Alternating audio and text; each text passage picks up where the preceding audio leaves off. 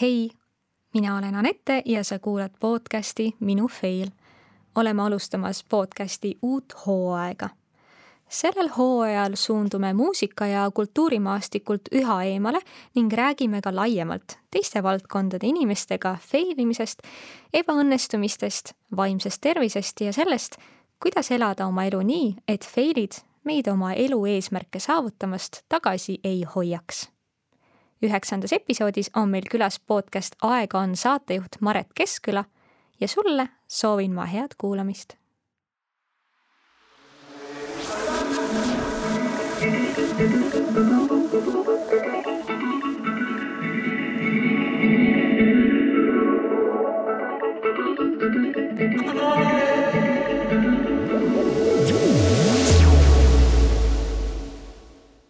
Ma ei oska öelda, kas sul on mingi rituaal, mida sa enne podcast'i salvestamist teed, mingi musta lehmasaba kirjulehmadega mm,? ei ole võib-olla peaks tegelikult tegema.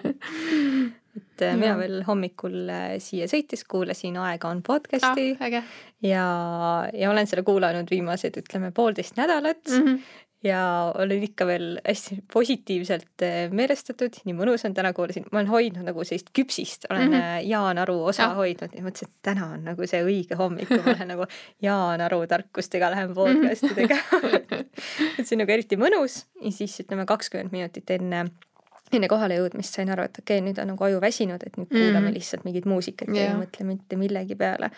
aga, aga kuna me täna äh, siin äh, Maret Keskkülaga äh, podcast'ist aega on kindlasti seda slow liikumise ja sihuke rahuliku elutempo teemasid äh, puudutame, siis tegelikult mul ongi sulle alguseks selline võib-olla natukene vastuoluline küsimus. et kas sina nõustud või mitte? kas sulle tundub või siis sulgudes ka, kas sulle tundub ka, et äh, mitte kunagi varem pole olnud äh, nii raske siin maa peal olla inimesena. nii palju valikuid, nii palju infot ähm,.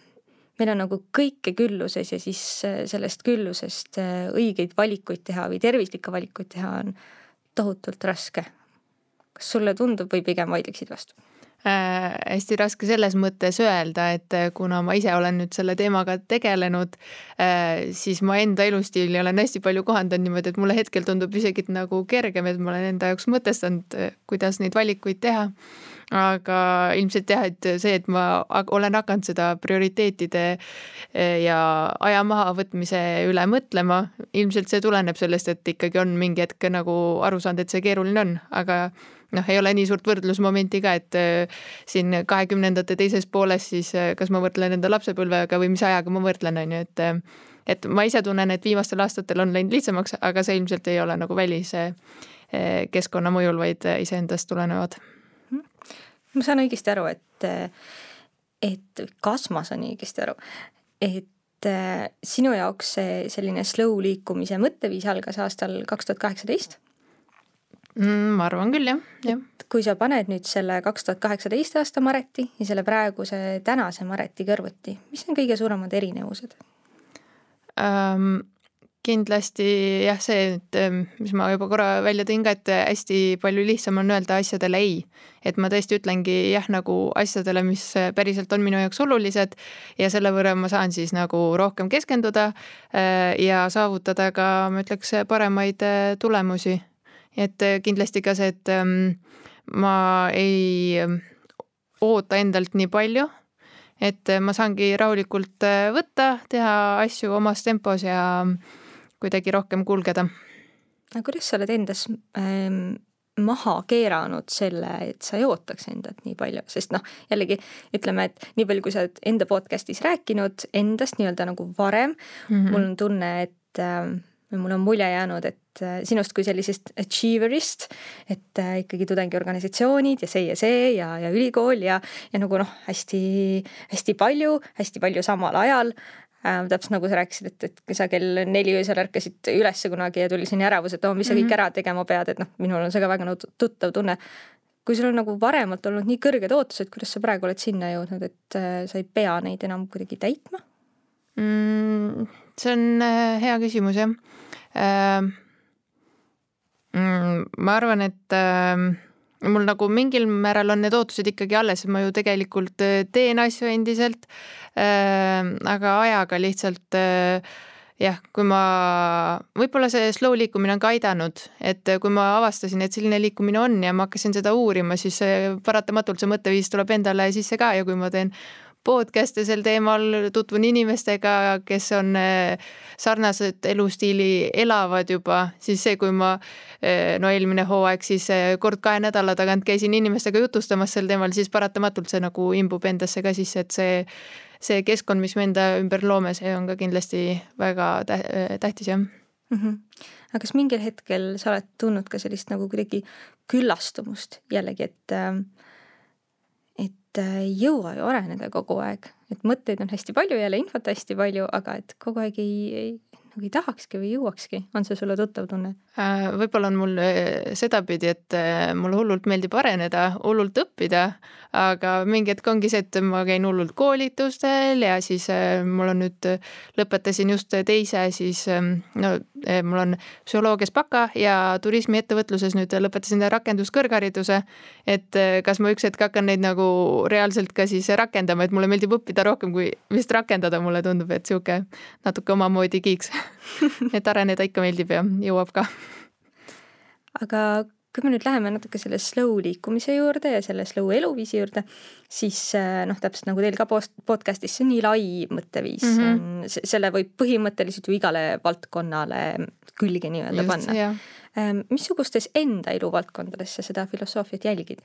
Äh, no nüüd ma toitumises olen kindlasti rohkem hakanud äh, seda kasutama, et tõesti ennem ma sõin niimoodi diivani peal te telekat või vaadates või mingeid tööasju tehes ja tegelikult üldse ei keskendunud sellele, et see hetk, kui ma otsustasin, et ma päriselt söön laua ääres eh, niimoodi, et eh, keskendunult, eh, siis see mingil määral tõmbas ka nagu ikkagi sellist fookust rohkem või et ei, ei torma kogu aeg niimoodi, et kui sa mõtled, kuidas sa sööd. Ja samuti ma sõin väga palju jalutades, mis on niisugune Eestis vist tehakse rohkem kui mujal maailmas ja tegelikult ka ei ole üldse ju kuidagi tervislik ega mõistlik, et et sellisest lihtsast asjast alustada. Mm. Siis jah, mulle endale hullult pakub pinget slow business valdkond ehk siis selline aeglane äri või siis ka see, et kuidas tööelu on ettevõttes korraldatud, et see on mulle endale hästi südamelähedane, et jumalast okei okay on võtta pause ja lõunapaus ei pea olema sihuke, et äh, kraban jällegi toidu kiirelt sisse, vaid et äh, hetke võtadki aega ja tegelikult ka äh, tööl olles, kui on vähegi selline töö, kus peaks ideid genereerima ka mingil määral, siis on hea, kui on seda mõtteruumi ka, et ei täida kogu aeg mingite väikeste ülesannetega ära, vaid vaid vahel võib-olla ongi palju produktiivsem see, kui minna jalutama näiteks, on ju mm. -hmm. kuidas su töökaaslased sellesse suhtuvad? Äh, no sõltub, mul hetkel on äh, olnud väga niisugune mitmekesine töö, et äh, seal mingil määral ongi niisugune istumine täiesti töö osa. ja teisalt jah, et ülemus on ka pigem just seda mõttelaadi, nii et siis koroona ajal eriti olid võimalus käia vahepeal ka jalutamas ja see oli soositud mm. -hmm. sa töötad spordimuuseumis, eks ju? mida sa seal teed? Äh, see on äh, hästi hea küsimus, sellepärast et äh, alates homsest olen turundusspetsialist, siiamaani olin külastusjuht ehk siis täpselt muutuste peal mm. -hmm. see vist oleneb hästi palju tõesti ülemusest ja, ja teistest inimestest tööl, et kas see on kuidagi okei okay või mitte võtta mm -hmm. neid pause ja nagu mõelda endale tööpäeva sees. et mina õpetajana näiteks äh, õpetajana mul on olnud alati töölepingus, et mul on õigus töötajana kolmekümneminutilisele lõunale siis ma mõtlen, et millal üldse olen ma saanud kolmkümmend minutit lõunat süüa. ja see läheb ka hästi võib-olla selle slow liikumise mm -hmm. mõttega kokku, et, et eriti kui süüa koolisööklas. ja siis... kus sa oled ikkagi töökeskkonnas. jah ja., see on, see on paras selline korrapidamine, isegi kui sa noh okei okay,, mitte et nüüd lapsed alati, alati siis nagu mingisugust mäsu tekitaks sööklas, aga see ei ole rahulik söömise mm -hmm. keskkond, ükskõik noh, kas juba sellepärast, et sa mõtled eelmisele tunnile või järgmisele tunnile, aga ikkagi sa ju vaatad, et äh, lastel, ma ei tea, et keegi istuks kuidagi liiga ma ei tea, liiga kräsus mm -hmm. või, või et kuskil suppi maha ei kukuks, et see on, see on kohutav söömise keskkond, söökla, no vähemalt koos väikeste lastega ma peaks ütlema oled nõus jah ja.? aga noh, teiselt poolt äh, jah, veel nagu ma mäletan, mingisugusel hetkel meil töökaaslasega oli me töötasime Tallinnas ja oli üks tohutult ilus talv, talvine selline päikesetõusu hommik, kogu taevas oli roosa, nagu reaalselt kogu taevas. ja võtsime lihtsalt äh, oma kaks klassi lapsi, sest meil hakkasid noh, kõrvuti klassides äh, samal ajal tunnid ja läksime jalutama mm. -hmm. et jällegi, et see on noh, mina olin sellises töökeskkonnas tol hetkel, kus see oli okei okay,, aga teises kohas see ju ei ole okei okay,, on ju, et kui sa lähed kuhugi, kus sa pead olema inimestega koos, sa ei saa minna näiteks, et oleks väga põnev mõelda, et mis hetkel me nagu jõuame sellise vabaduseni, et me võime mm -hmm. kõik. aga mulle tundub, et vaikselt liigub sinna suunas, aga, aga natuke läheb aega ka see on hea kuulda vähemalt, et, et sinul selline töökeskkond sind toetab mm. -hmm. seda õnneks küll, jah. missugustes eluvaldkondades veel sa oled seda püüdnud sisse viia mm? -hmm. Ähm no moe osas ming- või nagu üldiselt tarbimise osas ma ütleks, et ma olen, et just, et vaadata asju teiselt ringilt või siis tõesti kohalikelt käsitöö, kohalikku käsitöö kaupa siis osta, aga ma arvan, see oli mul päris palju ka enne juba sees. Et äh, selline jah, kui me räägime slow liikumisest, siis äh, see printsiip, et kvaliteet enne kvantiteeti, et äh, ma arvan, see on mul üsna hästi enne ka sees olnud, et ega ma niisugune väga suur shoppaja ei ole kunagi olnud, aga eks see on siin kinnistunud nüüd ikka, kui ma selle slow liikumisega olen tegelenud mm. -hmm missugune on slow liikumise ajalugu, kus, kus see üldse on alguse saanud? Äh, kui me räägime liikumisest kui sellisest, äh, siis see on alguse saanud äh, Itaaliast eelmise sajandi lõpul, kui siis taheti Roomas sinna põhiväljakule teha McDonaldsi kohvik, mis siis üldse nagu kohalikele ei meeldinud, et kiirtoit tuleb meie siin nagu kultuuripesasse ja tõrjub meie traditsioonilised toidud aeglaselt välja, et sealt on see suurem liikumine alguse saanud, aga tegelikult ju äh, millal on hakatud äh, kirjutama sellest, et äh, peaks nagu rahulikumalt võtma, on ju kas sa oskad pakkuda? ma arvan, et väga-väga ammu. ma arvan, et väga-väga-väga ammu. no põhimõtteliselt, kui hakati aega arvama kuidagi, siis juba tulid nagu teatud vastased, on ju, et et lihtsalt lähme flow'ga, on ju, et me ei pea kõike nii struktureeri-, struktureeritult aja järgi tegema et selles suhtes need juured on ikka päris kaugel. aga ometi mulle tundub, et just nagu praegusel ajal noh, võib-olla Eestis me tunneme seda vähem, aga ma tun-, kujutan ette, et nagu suurtes linnades see aeglane on natuke nagu negatiivse tooni endale juurde saanud jah, olles Tartus, kus mulle endale tundub, on ju, ma seal ju alustasin selle teemaga, et äh, mulle tundus, et äh, tudengid on hullult kiirustavad, et on vaja töötada, on vaja õppida, on vaja vabatahtlikku tööd teha. samas kui tallinlased tulevad Tartusse, siis neil on nagu appi, kui aeglane teil siin on nagu, siis ma mõtlen, et okei okay,, Eesti on nagu teiste riikide suhtes aeglane koht. ja siis nagu Eesti sees veel vaadatakse, et Tartu on mingi megaaeglane koht. et ma olen nagu maailma kõige aeglasemas kohas ja tahan, et asjad oleks veel aeglasemad või. et veits vastuoluline on ju.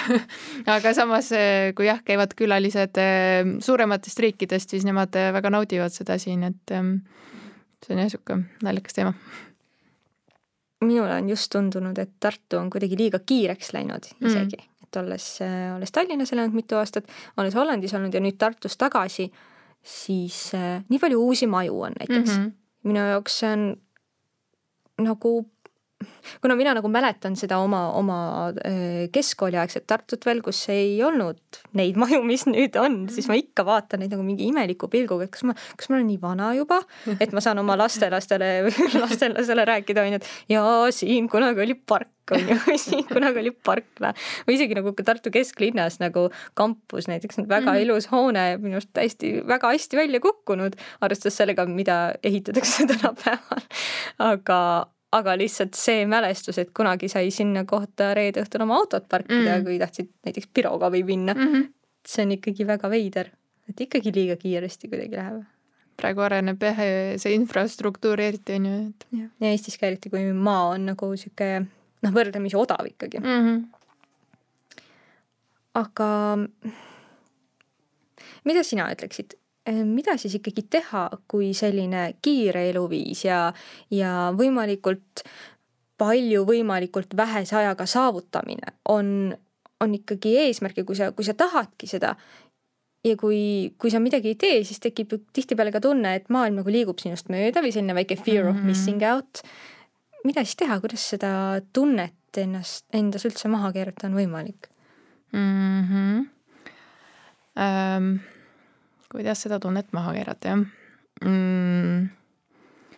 no ma ei tea, ma läheks ikkagi enda selle põhimõtte peale, et kui sa teed oma ühte asja ja seda hästi, siis tegelikult kas sa jääd nii paljust ilma et äh, sa saad selle tunde keskendudes ju palju paremini kätte. Samas äh, olles noor ema ja äh, rääkinud ka teiste emadega, siis emadel on see fear of missing out ju nagu väga sihuke aktuaalne et äh, ega see ongi, mulle tundub, et kohanemine on see, mis lõpuks nagu aitab mm. -hmm. tunned sa seda tunnet enda elus ka mm,?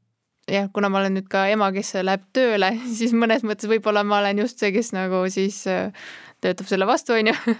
Äh, aga ma ei tea, ma arvan, et väga ei tunne. et äh, mingil hetkel jah, ma sõnastasin enda jaoks ka ära, et mis on need asjad, mille suunas ma soovin liikuda ja see päris palju aitab, et siis, siis ma ei peagi kõiki pakkumisi näiteks äh, ma ei tea, mis äh, valdkonnas, äh, ma ei tea, kõiki vabatahtliku töö pakkumisi ei võta vastu, on ju, kuigi see võib nagu, nagu ma saan selle pakkumise, see tundub nagu mega äge, aga ma saan aru, et see ei vii mind minu eesmärkideni ja siis äh, on palju lihtsam nagu aru saada, et ma ei pea kartma sellest kogemusest ilma jääda, et see, kui ma teen rahulikult enda asju, see võib mind palju ägedamate asjadeni viia mm. -hmm. aga puhkus, kuidas sina puhkad ähm,? no eks hobid on nagu sihuke tore asi äh,. jällegi natuke vastuoluline, aga paljud mu hobid on ka sellised, et noh, teen podcast'i on ju. et äh, kas see on puhkus või mitte, on sihuke igipõline mõte, et see, et kas me siin praegu jutustame, on ju, et äh, ma eeldan, et meil mõlemal on tore, see nagu justkui võiks olla puhkus, aga kas on, on ju. Aga magamine on väga hea puhkus. Äh, harrastan ka powernap'e, kui võimalik on, ehk siis äh, keset päeva uinakud on minu arust väga hea viis, kuidas, äh, kui see on viisteist kuni kakskümmend minutit, kui kauem magada, siis läheb kõik käest ära. Aga ühesõnaga, see on niisugune hea võimalus, kuidas end välja puhata ka keset päeva. Mm,. ja sõpradega olemine ikkagi jah, et täpselt sama küsimus, et see, kui sa inimestega räägid see mingil, mingil tasandil ta võib ju olla mittepuhkus, aga üldiselt see annab nii palju tagasi, et ma ikkagi loen seda puhkuse alla mm. -hmm. et sa väga selgelt tead, mis on sinu prioriteedid ja mis ei ole mm. -hmm. Mm -hmm. aga terve elus, ellusuhtumine peaks mingi, peaks mingi listi koostama lihtsalt no mul oli, ma üks hetk panin endal kolm asja kirja, et äh, kui see on seotud siis selle turismivaldkonnaga, kui see on seotud turundamisvaldkonnaga või koolitamisvaldkonnaga, siis ma ütlen jah või kaalun vähemalt, on ju, kui see on sellest, äh, ühtegi neid kolme valdkonda ei toeta, siis äh, on hästi lihtne ei öelda.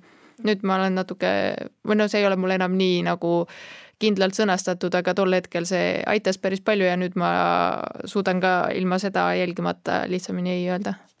Et siis see mõtteprotsess on selline, et ahaa, okei okay,, äge pakkumine, aga mul on siin listis kolm asja, need ei lähe kokku, järelikult ma võin ja, nagu justkui öelda ei. jah, et endale oli päris palju lihtsam, et paar pakkumist sain ka, mis olid siuksed, et äh, võib-olla ka pikemaajalised projektid, ja siis äh, saad aru, et okei okay,, ma peaks nagu ei ütlema ja endale ka selgeks oli palju lihtsam teha, et jah, õige on öelda ei siinkohal mm. -hmm.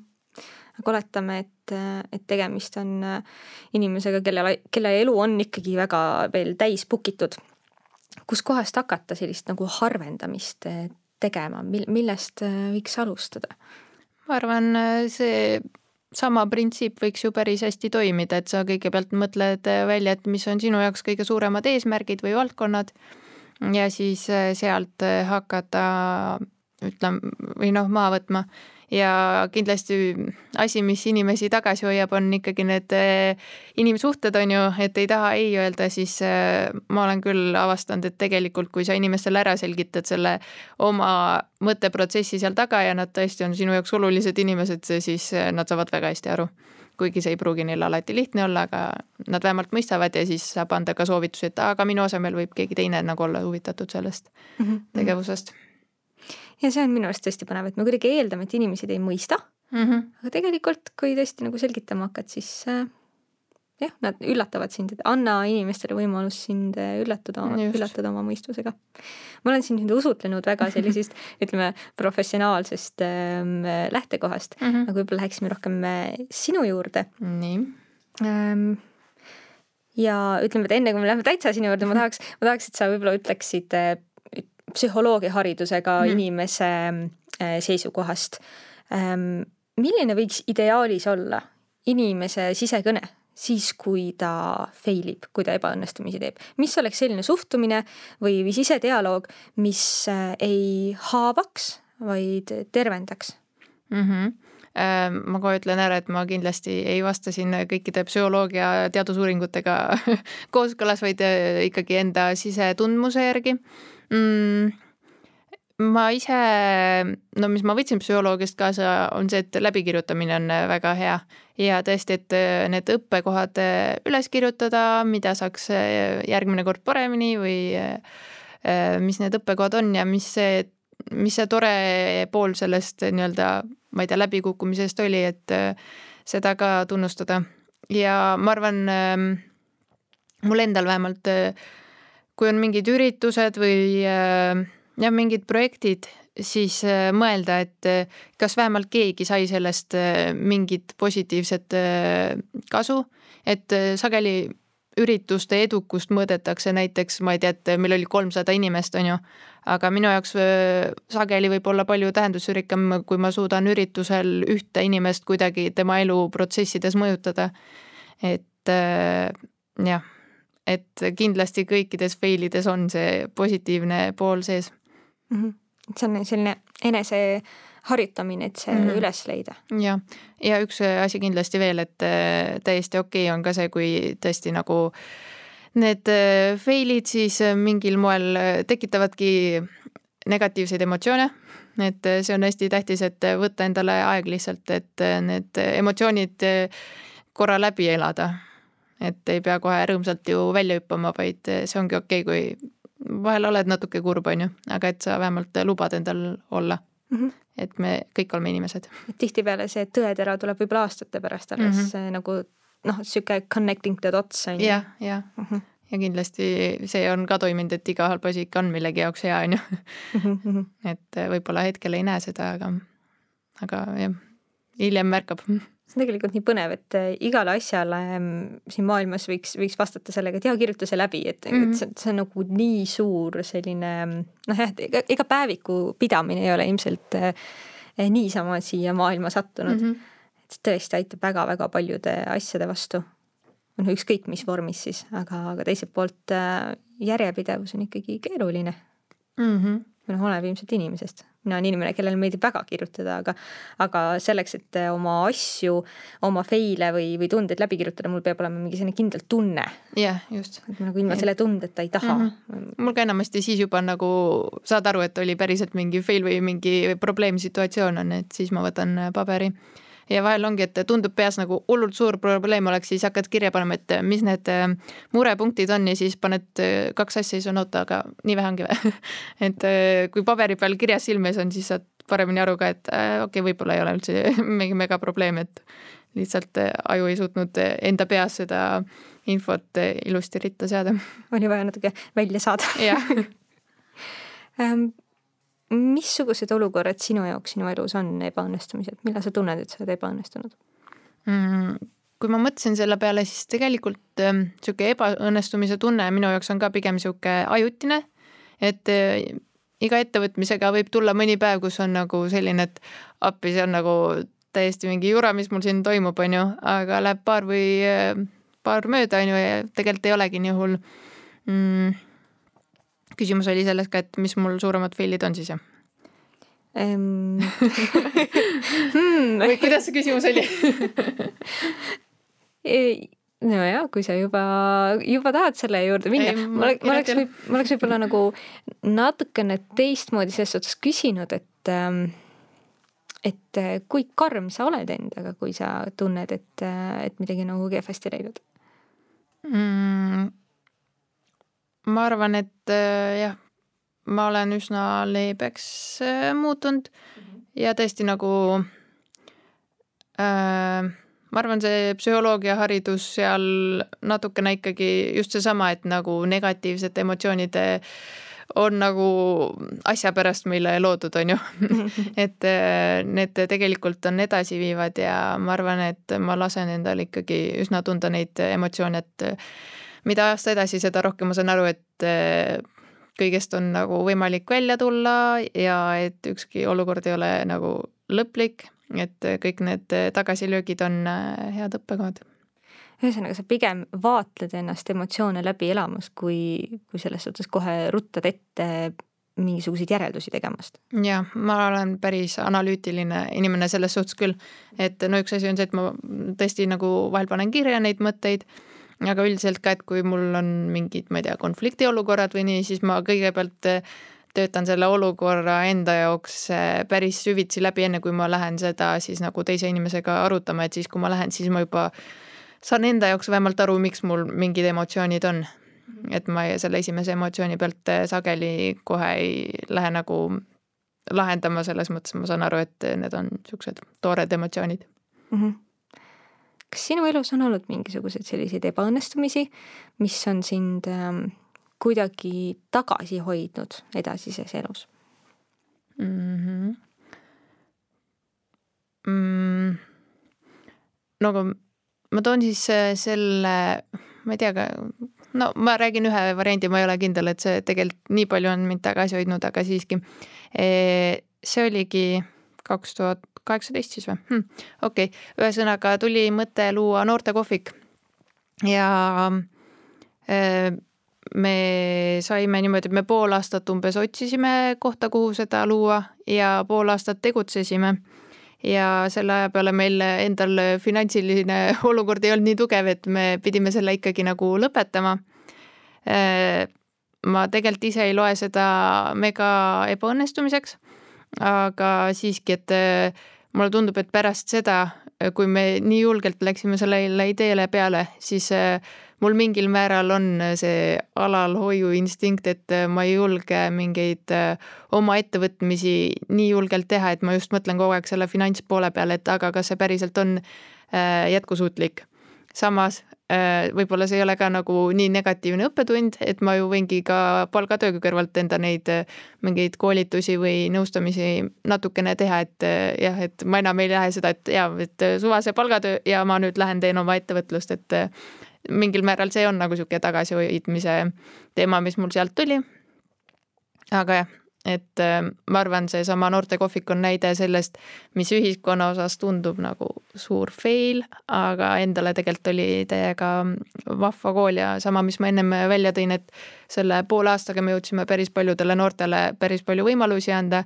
et tegelikult ähm, see oli äge kogemus sa räägid sellest nii elutervelt, et ma küll ei saa aru no,. eks see, see oli ka nüüd on ju aasta tagasi äh, sai nagu niisuguse suurema lõpu äh, ja ma olen jõudnud seda ka mõtestada, et sel hetkel, kui me seda kinni panime, siis ma ei oleks kindlasti nii elutervelt äh, rääkinud, et tol hetkel oli ikka see, et ise vaeva näinud ja oma nagu beebi justkui on ju, et kuidas me nüüd ta kinni paneme. aga jah, aeg teeb oma töö ka aga kas see fail imine oli seal siis see, et te pidite selle nagu noh, sinu jaoks mm., et te pidite selle kinni panema või selle, et ei mõelnud nagu finantsiliselt ette või mis, mis osa selle fail imisega seal suhestub? mm,? no see on hästi lai teema, et kuidas me nagu, seal oli nagu palju tegureid koos, aga ma arvan, et põhiline asi oligi see, et me eeldasime iseendalt, et see asi läheb hullult kiirelt käima, aga ja meil nagu tol hetkel ei olnud nii suurt ettevõtluskogemust, et noh, pärast seda ma ju alles omandasin ka selle ettevõtlusalase kõrghariduse ja vahepeal loengutes oli küll, et hmm, kuidas ma mõtlesin, et see peaks töötama aga eh, jah, see julge pealehakkamine oli tegelikult hästi äge, et ma arvan, muidu ma siiamaani ei omaks seda kogemust, et kuidas päriselt ettevõtluses teatud asjad käivad mm. -hmm. Ähm, missuguseid õpetlikke fail'e sinu elus veel on olnud, millest sa oled kuidagi midagi kaasa võtnud ja edaspidi paremini toiminud tänu sellele mm? -hmm no kui ma selle kutse sain, siis ma mõtlesin ja kohe alguses nagu ei tulnudki midagi nagu nii suurt meelde. Aga ma hakkasin mõtlema selle peale, et tegelikult see, et ma lapsepõlves tegin palju sporti siis see ilmselt on nagu seda mm, iseloomu ka päris hästi kasvatanud selles mõttes, kui sa käid spordivõistlustel, siis mõni päev läheb paremini, mõni päev halvemini. ja see ilmselt õpetab ka seda suhtumist päris palju. Mm, ma tegelesin ka sellise spordialaga nagu orienteerumine Äh, mis siis tähendab ju seda, et äh, metsas lähed äh, punktist punkti ja peaksid minema kõige otsemini või kiiremini. aga vahel ei tule see välja ja tegelikult päris hea väljakutse on ka see, et kuidas siis nagu keskendumist hoida, et ja ma tegin selle vea, aga nüüd ma lõpuni annan endast ikkagi kõige parema, hoolimata sellest, et ma tean, et võib-olla mul enam ei tule nii head tulemust, et eks see oli mulle ka väljakutse, aga ma arvan, selline Äh, jah, spordi harrastamine tegelikult äh, kujundab inimese iseloomu päris hästi, et kuidas nende raskustega toime tulla mm. -hmm eks me oleme siin eelmiste saatekülalistega ka ikkagi jõudnud sinna, et need asjad tulevad lapsepõlvest mm. -hmm. kuidas sinu vanemad suhtusid, missugused hoiakud neil olid fail imiste suhtes? Mm,? no mulle tundub, et meil lasti nagu teha ikkagi üsna, mul on vanem õde ka, siis sellepärast ütlen meil äh,, nagu lasti ikkagi teha seda, mis me tahame, et ei olnud väga nagu ette suunatud, et äh, mida me saame või võime teha ja jah, mulle tundub, et ka siin ülikooli eal näiteks, et mul ema on ikkagi nagu üsna toetanud seda, et, et ma olengi sihuke ettevõtlik ja teen mingeid asju ja nagu see tagasiside on olnud ikkagi niisugune nagu pigem julgustav. Mm, et see on äh, päris äh, tore, et äh, ma arvan, et vanemate poolt on üldiselt niisugune päris hea jah, toetus olnud, et ma võin nagu lihtsalt katsetada asju. et ja ma ei mäleta ka, et ma oleks millegi eest hullult pääsenud, kui ma nagu ma ei tea, milleski äpardusin või midagi, et ma arvan, see on päris palju kasuks olnud küll, jah mis viib meid järgmise küsimuse juurde, et et kui on olemas slow toitumine ja on olemas äh, slow mood või business, siis kas on olemas ka slow emadus äh,? jaa äh,, ma võiks sellest nüüd hästi pikalt rääkida nimelt ma läbin ähm, kursust praegu lihtsast lastekasvatusest, mis äh, noh, rääkides siis äh, inglise keeles on simplicity parenting, mida siis tõlgitakse ka kui slow parenting. ja see jah on ja see keskendub just sellele, et ähm, kuidas siis lapsed võiksid ise nagu äh, oma ajakasutust äh, siis äh, reguleerida või noh, selles suhtes, et me ei pea vanematena neile hullult ette kirjutama ja et see igavus on, on ju okei. Okay et las lapsed avastavad ise maailma ja loodust ja siis ka saavad omad vitsad ise, et ähm, selline liikumine on ka täitsa olemas ja kas sina oma, oma väikse lapsega saad ka juba mingisugust praktikat läbi viia? Äh, no ta on äh, siis äh, kohe saab neljakuuseks ehk siis ega ta suuresti nagu veel ei ole nii aktiivne, et ma päriselt saaks, aga see on päris hea aeg, et harjutada mingeid oma mõttemustreid, et kuidas ma temaga räägin, et vahepeal on hea nagu tagasi tõmmata ennast ka, et nagu mida ma räägin talle, noh, ta ei saa õnneks midagi aru praegu, on ju, aga et täpselt, et ma harjutan seda, et kuidas ma talle täiskasvanute maailmast räägin. Ehm, ma praegu proovin ka sorteerida tema asju niimoodi, et ta ei elaks nagu mingi megakülluslikus eh, maailmas, kus ta ei suuda ära otsustada, et millise mänguasjaga mängida, vaid et tõesti, et tal oleks nagu piiratud hulk eh, nagu päriselt väärtust loovaid mänguasju. et eh, selline selline töö mul ikka vaikselt käib, aga hea, et ma just avastasingi selle liikumise ka äh, pisut enne tema sündi et ma saangi niimoodi vaikselt äh, vaadata, et ähm, jah, ja see on ka nagu psühholoogide välja töötatud, et see, see ei ole nagu mingi mega radikaalne asi, et äh, ma arvan, kui jah, kogu selle aeglase liikumisega on see, et alguses ma vaatasin, et mm, nagu tundub põnev, aga mulle üldse ei meeldi, kui mingid asjad on hullult radikaalsed, et nagu ikkagi peab kuidagi sihuke mm, kohanduma sellega, mis meil reaalne maailm on ja mulle just meeldib selle slow liikumise puhul üldiselt ka, et ta on hästi sihuke tasakaalu otsiv.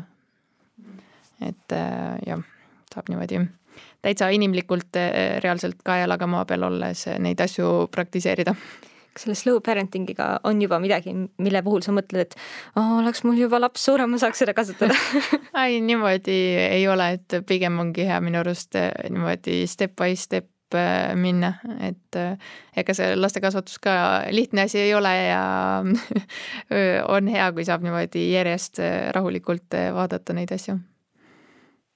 aga sel juhul peab olema ikkagi ju lastevanematel väga suur üksmeel, et, et ei saa ju niimoodi, et ema proovib, isa ei proovi, isa proovib, ema ei proovi mm. -hmm. ja ideaalis küll, et see ma siis, see koolitus, mida ma korra mainisin, et läbin, see ongi siis äh, selline grupikoolituste korraldamine ja seal on hästi soositud see, et äh, tulevadki siis vanemad paaris või noh, nad saavad need õppematerjalid koju ka, aga et igal juhul on igati soodustatud see, et tõesti mõlemad vanemad nagu läbiks selle info, et üksinda on raskem, kui nagu mõlemad vanemad justkui nagu on aktiivselt laste kasvatuses, aga üks jälgib, teine mitte, et siis ähm, kahtlemata need süsteemid lähevad ju sassi mm. -hmm kui me nüüd tagasi korra fail imise juurde, kas, kas sa tunned, et su elus on olnud veel mingeid selliseid võib-olla väiksemaid fail'e, mis on kuidagi sinu sellist ähm,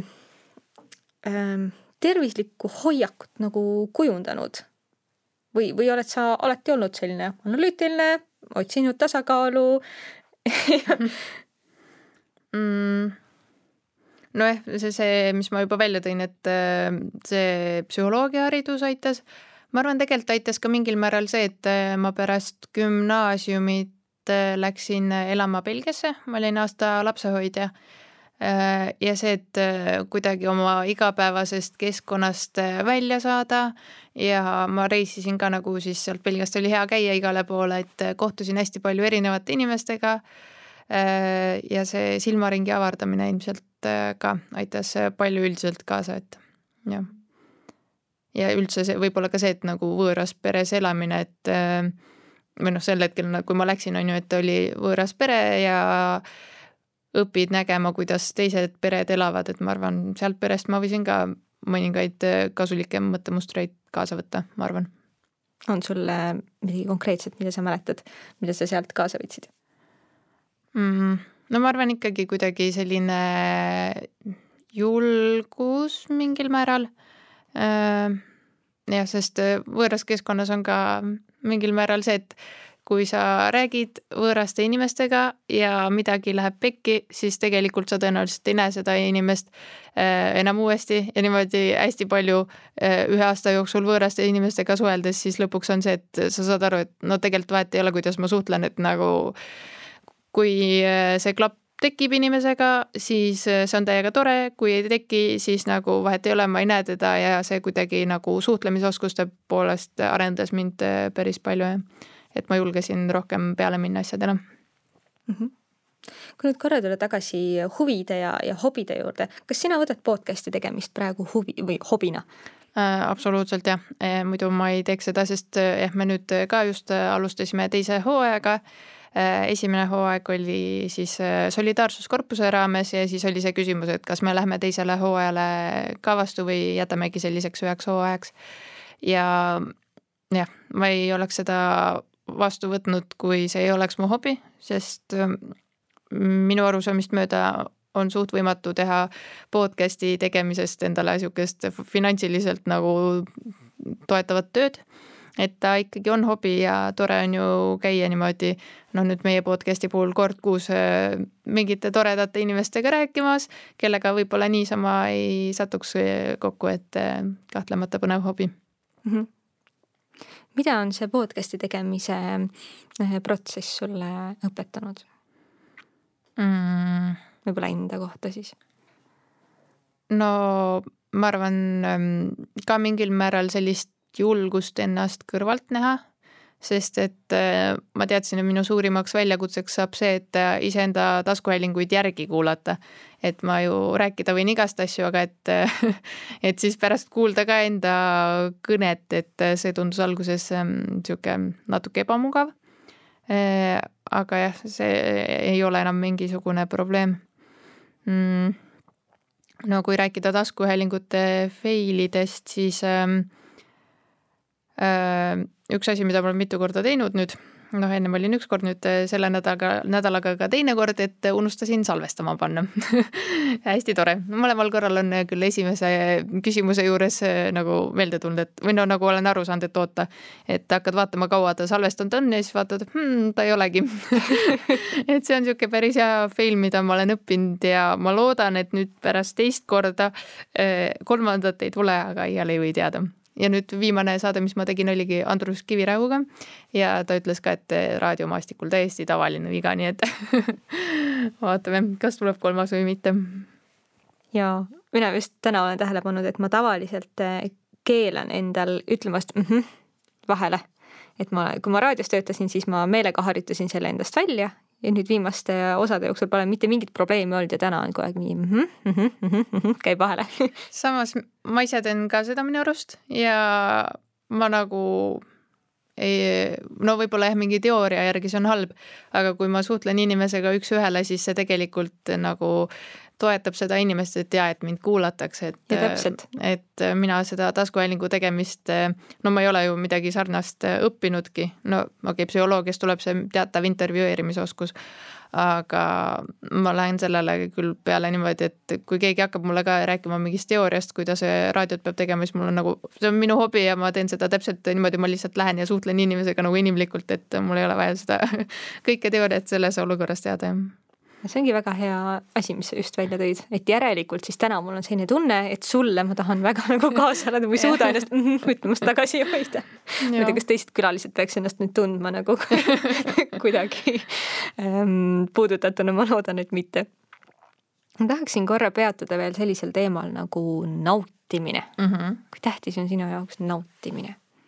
no sihuke heaolu teema on mulle jah väga südamelähedane, vaadates kasvõi mu seda haridustausta on ju, et psühholoogia tegeleb inimeste heaoluga, et neil kogu see vaimne tervis oleks nagu hea.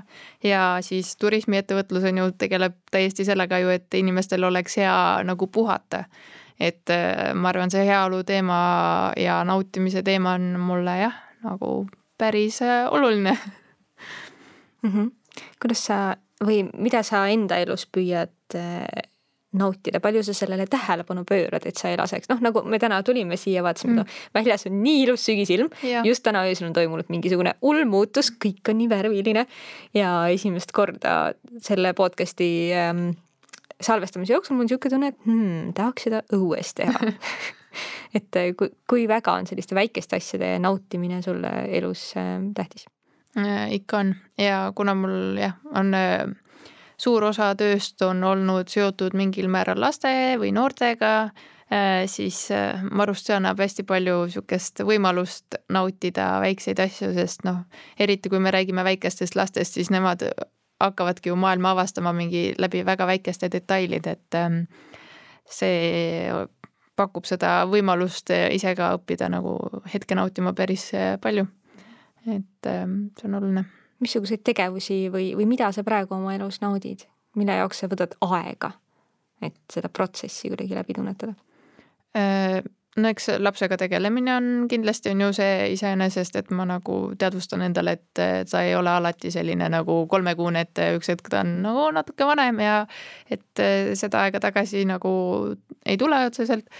Mm, et äh, jah ma ikka proovin talle, kui ma temaga tegelen, et eh, mul on arenguruumi selles väga palju veel, aga ma proovin, et ma päriselt nagu keskendun talle siis. Ehm, jah, see on nagu see, mida ma vähemalt endale teadvustan, et ma peaks nagu rohkem tegema ja proovin mm aga jah, nagu sa välja tõid ka, siis äh, selline loodusliikumine on nagu igati nauditav. Äh, kindlasti ka üks vorm äh, puhkamiseks, mis, mis nagu mu elus on tähtsal kohal mm,. Jah mm,. jah, ja ma olen ka hakanud rohkem lugema mm,. sellega on lihtsalt see, et ähm, ma ei ole enda elus nii palju varem lugenud, sest et äh, hästi raske on minu jaoks leida seda raamatut, mis nagu siis tõesti kõnetab niimoodi, et oleks nauditav, aga kui ma selle leian, siis, ähm, siis, äh, siis ma naudin. -hmm. aga kuidas sa praegu defineerid ennast, kas siis äh, noh, ilmselt mitte siis podcast'i tegijana, kuna see on, see on hobi, aga kas siis emana või, või läbi töö? Jah, ma üks päev arutasin elukaaslasega ka seda, et kuskil oli jälle, et kelleks sa tahad saada ja siis ma hakkasin mõtlema, et oot, aga kelleks ma siis saanud olen nagu et ma ei oskagi nagu öelda, et ja et ma olen saatejuht, siis noh, et oma selle tavatöö on ju, mis mul ennem oli külastusjuht, mis nagu on veel vähem midagi ütlev, et ta on nagu nii mitmekülgne, nüüd nagu turundaja. Mm, et nagu mul ei ole sellist ühte kindlat niisugust rolli võib-olla, mis oleks nagu kesksel kohal mm,. ja ma arvan, et see on tegelikult äh, igati okei okay,, et et ei pea end läbi ühe asja defineerima, vaid neid väikseid rolle võibki mitu olla ja sõltuvalt olukorrast siis äh, ka tutvustamisel nagu ma kasutan väga erinevalt. see on äge, et, et peaaegu igast sinu vastusest kumab jälle läbi see tasakaal mm, -hmm, tasakaal. see on, see on oluline see on väga mõnus, sest, sest jällegi, kui ükskõik, kas me räägime ebaõnnestumistest või slow liikumisest, mulle tundub, et suur probleem, miks, miks seda on raske teha, ongi see läbi ühe asja äh, ja tihtipeale läbi töö enda defineerimine mm. -hmm. ja kui sa selles korra fail'id, siis tekib see, et aga kes ma üldse olen, ju. ja, jah, aga jah, et elu on nii palju laiem, on ju, et, et äh, võib-olla mõnes teises asjas jällegi on nagu väga hea aeg, et seda ei tohi ära unustada mm. -hmm noh, ja see ongi see enda nagu nii-öelda siis see, see või ei tundu võib-olla nagu enda kasti mõtlemisena, sellepärast et see tundub enda arendamisena, kui sa mm -hmm. mõtled endast läbi töö, et ma olen siis äh, muusik või ma olen podcaster või, või, või mis iganes. et ma ju tahan arendada selles, aga teiselt poolt see lõikab mingisugused teised arengukohad ära, kui sa ei luba endal olla siis ema või pereinimene või puhkaja mm. -hmm. jah, no mingil määral ma nagu võib-olla defineerin end läbi selle, et nagu mulle meeldib äh, inimesi arendada ja neile tõesti seda heaolu pakkuda, aga see on nagu piisavalt pikk ja lai äh, nagu see määratlus, et enamus asjad, mis ma teen, ongi sellega seotud, et niimoodi ma nagu võib-olla kui mingi määratlus nagu peab lihtsalt inimesel olema, et ta nagu oleks see eksisteerimispõhjus või kuidagi arusaam, et kes ma olen. aga jah, minu puhul lihtsalt on see nii lai, et see ei hoia mind nagu kuskilt nii väga tagasi. aga kui su eluala, elualad on nii nagu väljapoole suunatud, kas sa vahepeal tunned, et tass saab kuidagi tühjaks mm,? mulle tundub, et ma olen tegutsenud piisavalt ähm, sellises valdkonnas, kus äh, see ellu suhtumine on äh, üsna terve. et just niisugune noorsootöö ja lastega tegutsemine, et niisugused toredad, siirad tegelased, need väiksed inimesed on ju, et sealt saab päris palju tagasi ka jah, ja see, kui ollakse tänulikud äh, selle eest, mida sa teed, siis äh, see ikka nagu annab ka seda endale jõudu juurde mm. -hmm. sa just äh, enne ütlesid ka, et sa oled nagu mõttest läbi lasknud seda, kas sellist Eestit me tahtsimegi mõtet, et kas sellist Maretit me nagu tahtsimegi mõtet ähm,. kuhu sa veel tahad minna, mida sa tahad oma elus saavutada? Mm,? no ma arvan, pikas plaanis ikkagi võiks olla see, et äh, ma tõesti siis äh, teen, no olen nagu iseseisev oma tööelus, et äh, ma teen täpselt neid koolitusi, mis mulle sel hetkel on nagu südamelähedased ja võtan vastu neid projekte, mis on mulle südamelähedased ja et sellest ma nagu võikski pikas plaanis elada, et kui me sellest nagu tööelu valdkonnast räägime, et ja nagu siit välja tuleb, on ju, et ega mul ei ole ka nagu täpselt, et äh, ma tahan slow liikumist elus või nagu Eestis viia sellele tasemele või et ma jätan endale nagu päris palju ruumi ikkagi, et äh, tegeleda täpselt sellega, mis mulle selles ajahetkes tundub, et on mulle oluline ja ka ühiskonnale oluline mm. -hmm. nii et ikkagi selles suhtes sellest nii-öelda prioriteetide listist äh, lähtuvalt mm. -hmm. ja nagu sellest, et mis see keskkond sel hetkel ümber on, on ju, et mm. -hmm. Et ka seda listi peaks tegelikult aeg-ajalt ju üle vaatama. absoluutselt jah mm, -hmm. jah. et äh, ma varem ei olnud üldse seda usku, aga ma viimastel aastatel olen ikkagi hakanud ka nagu enamjaolt ikkagi aastavahetuse kandis siis nagu mõtlema seda, et mis need järgmise aasta mõtted on ja et mis ma selle aastaga ära tegin ja et see, need pikad või noh okei okay,, aastane eesmärk ei ole megapikk, aga see ikkagi nagu hoiab seda mingit suunda mm. -hmm. aga ütleme, et kui neid prioriteete paika panna, missugused need ähm, ütleme siis nagu sinu kogemuse põhjal, kas sina otsustad selle põhjalt, et mis sul paneb silma särama või mis sul paneb südame põksuma või mis on üldiselt mingid suured teemad su elus, et et, et noh, jälle, et kui võimalusi on nii palju, kuidas sealt need kõige noh, nagu enda jaoks toitvamad asjad siis nagu üldse välja raalida no võib-olla on ka see, et äh, eesmärke ei saa seada ainult tulevikule mõeldes, vaid ka peab minevikku vaatama. et kui ma neid äh, analüüse teen või noh, nagu plaane paika panen, siis ma mõtlen ka sellele, et äh, mis see eelnev periood oli, mis mulle meeldis, mis mitte. ja sama, mis ma enne välja tõin, on ju, et ka igapäevaselt mingeid olukordi analüüsida, et lihtsalt see annab selle arusaamise, et oo, see teema on täiega põnev ja selles tahaks veel areneda. et et ähm, jah, peab ikka vahepeal analüüsima, siis, siis teab, kuhu edasi liikuda. hashtag eneseanalüüs läheb selle osa ju me oleme jõudnud nii kaugele, et me võime liikuda meie saate viimase osa juurde mm. -hmm ja ilmselt sa võib-olla tead, et äh, see on selline osa, kus mina loen sulle lause alguse ja sina lõpetad lause okay. ja lõpetad täiesti nagu sa ise tahad, esimese vaimuvälgatusega või kui tahad, siis võtab pikemat aega mõelda. ja see mm, lause peab nagu lõppema esimese punkti juures või võib mitu punkti veel panna vaatame, mis elu toob. okei ähm, esimene, minu kõige uuem harjumus või oskus on mm,? ma ei ole kindel, et see on kõige uuem, aga ma üks hetk avastasin, et ähm, elu on palju lihtsam, kui sa kohe pärast söömist nõud ära pesed üks asi, mida ma naudin, aga mis pole mulle kasulik? nutimaailmas äraeksimine kuidas sa eksid seal maailmas ära? Äh, no eks ikka see telefon on välja nagu töötatud niimoodi, et sa võtad ta kätte eesmärgiga teha see üks asi või vaadata seda ühte asja.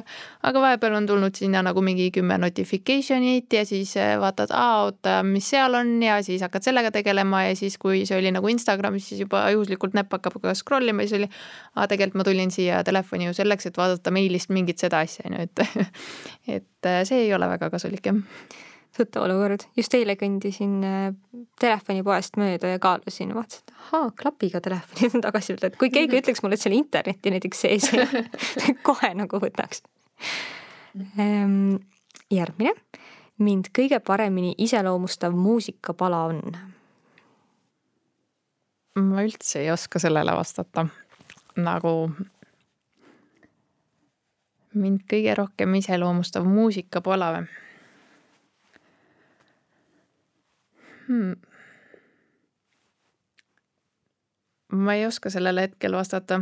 Äh, ma pean tunnistama, et tõenäoliselt see läheb sinna mingi Eesti, ma ei tea, kas roki või süldimuusika peale, aga või siis tegelikult Eesti folk on ka nagu päris sihuke, mis no ühesõnaga mingi eestipärane asi. aga mul hetkel ei tule ühtegi sihukest laulu, millega ma tunnen, et see nagu iseloomustab mind täiega. jah meil on ka teisi külalisi, kes on vastanud näiteks terve žanriga, vaata. see on isegi nagu veel uhkem, kui sa ei vasta mitte ühe lauluga, vaid näiteks see on džäss ilmselgelt. aga lähme edasi.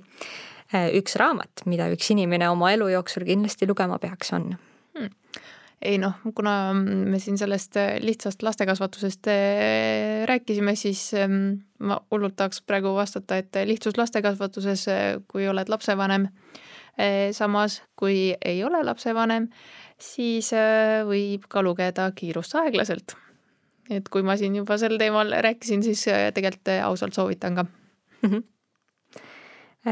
seda me juba natukene puutusime, seda teemat, aga ütleme lühemas vormis ka. kui ma olen fail inud, siis ma ütlen iseendale, et mm,? see aitab tuleviku olukordi paremini lahendada. Kui mul on tarvis hetke iseendale, siis ma mm,? leian võimaluse olla iseendaga. väga ratsionaalne jälle sind ei saa nagu kuidagi um, siis selline lause um,. tegevus, mis mulle meeldib, aga mille ma olen viimasel ajal unarusse jätnud mm.? Kui ma siin spordist rääkisin, siis äh, jah, ma hakkasin mõtlema, et mulle jooksutrennid nagu hullult meeldisid, aga ma ei ole seda sellisel moel päris ammu teinud. üks asi, mida ma kindlasti ei taha oma elus tegemata jätta, on? tegemata jätta, jah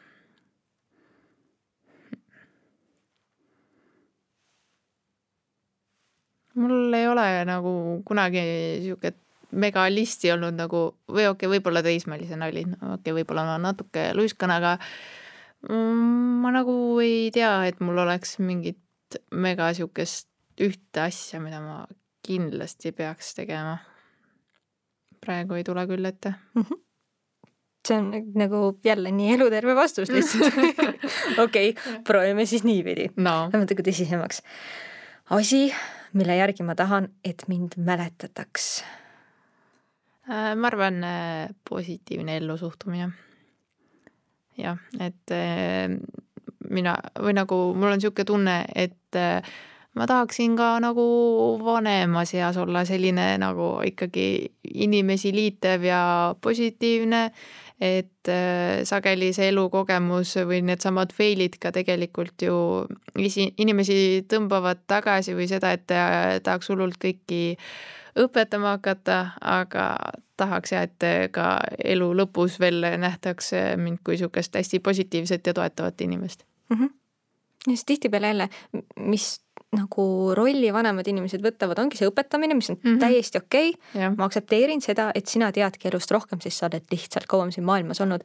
aga kui see õpetamise roll jälle hakkabki nagu defineerima sind, siis see kaotab elust nagu sellise kerguse ära mm. -hmm ja, ja suur asi on ka selles, on ju, et õpetamine iseenesest on ju tore tegevus, aga see, et kuidas seda teha, et just, et oleks see toetav ja edasiviiv, et seda on, ongi nagu hästi raske tegelikult ju leida seda viisi mm. -hmm ja ükskõik, kui palju sa tahad, sa ei saa tegelikult ju teiste inimeste eest neid fail'e ära teha, peavad need ise tegema. jah, see on ka selle slow parenting'u täiesti oluline teema jälle, jah. me oleme jõudnud viimase lause juurde oi,. oi-oi ma olen praegu tänulik? Äh, et me oleme siin Viljandis ja et siin on äh, hästi mõnus ilm akna taga ja et äh, see vestlus oli tore mina olen nii tänulik, et, et sa tulid, sest kui sa juba siin tund aega tagasi ütlesid, et, et ma võtan ainult nendele asjadele, ütlen jah, mis mulle tähtsad, siis kujutate, kui palju dopamiini sa andsid mulle sellega. midagi, vau. üli, ülitore. aitäh sulle tulemast. ja aitäh, et kutsusid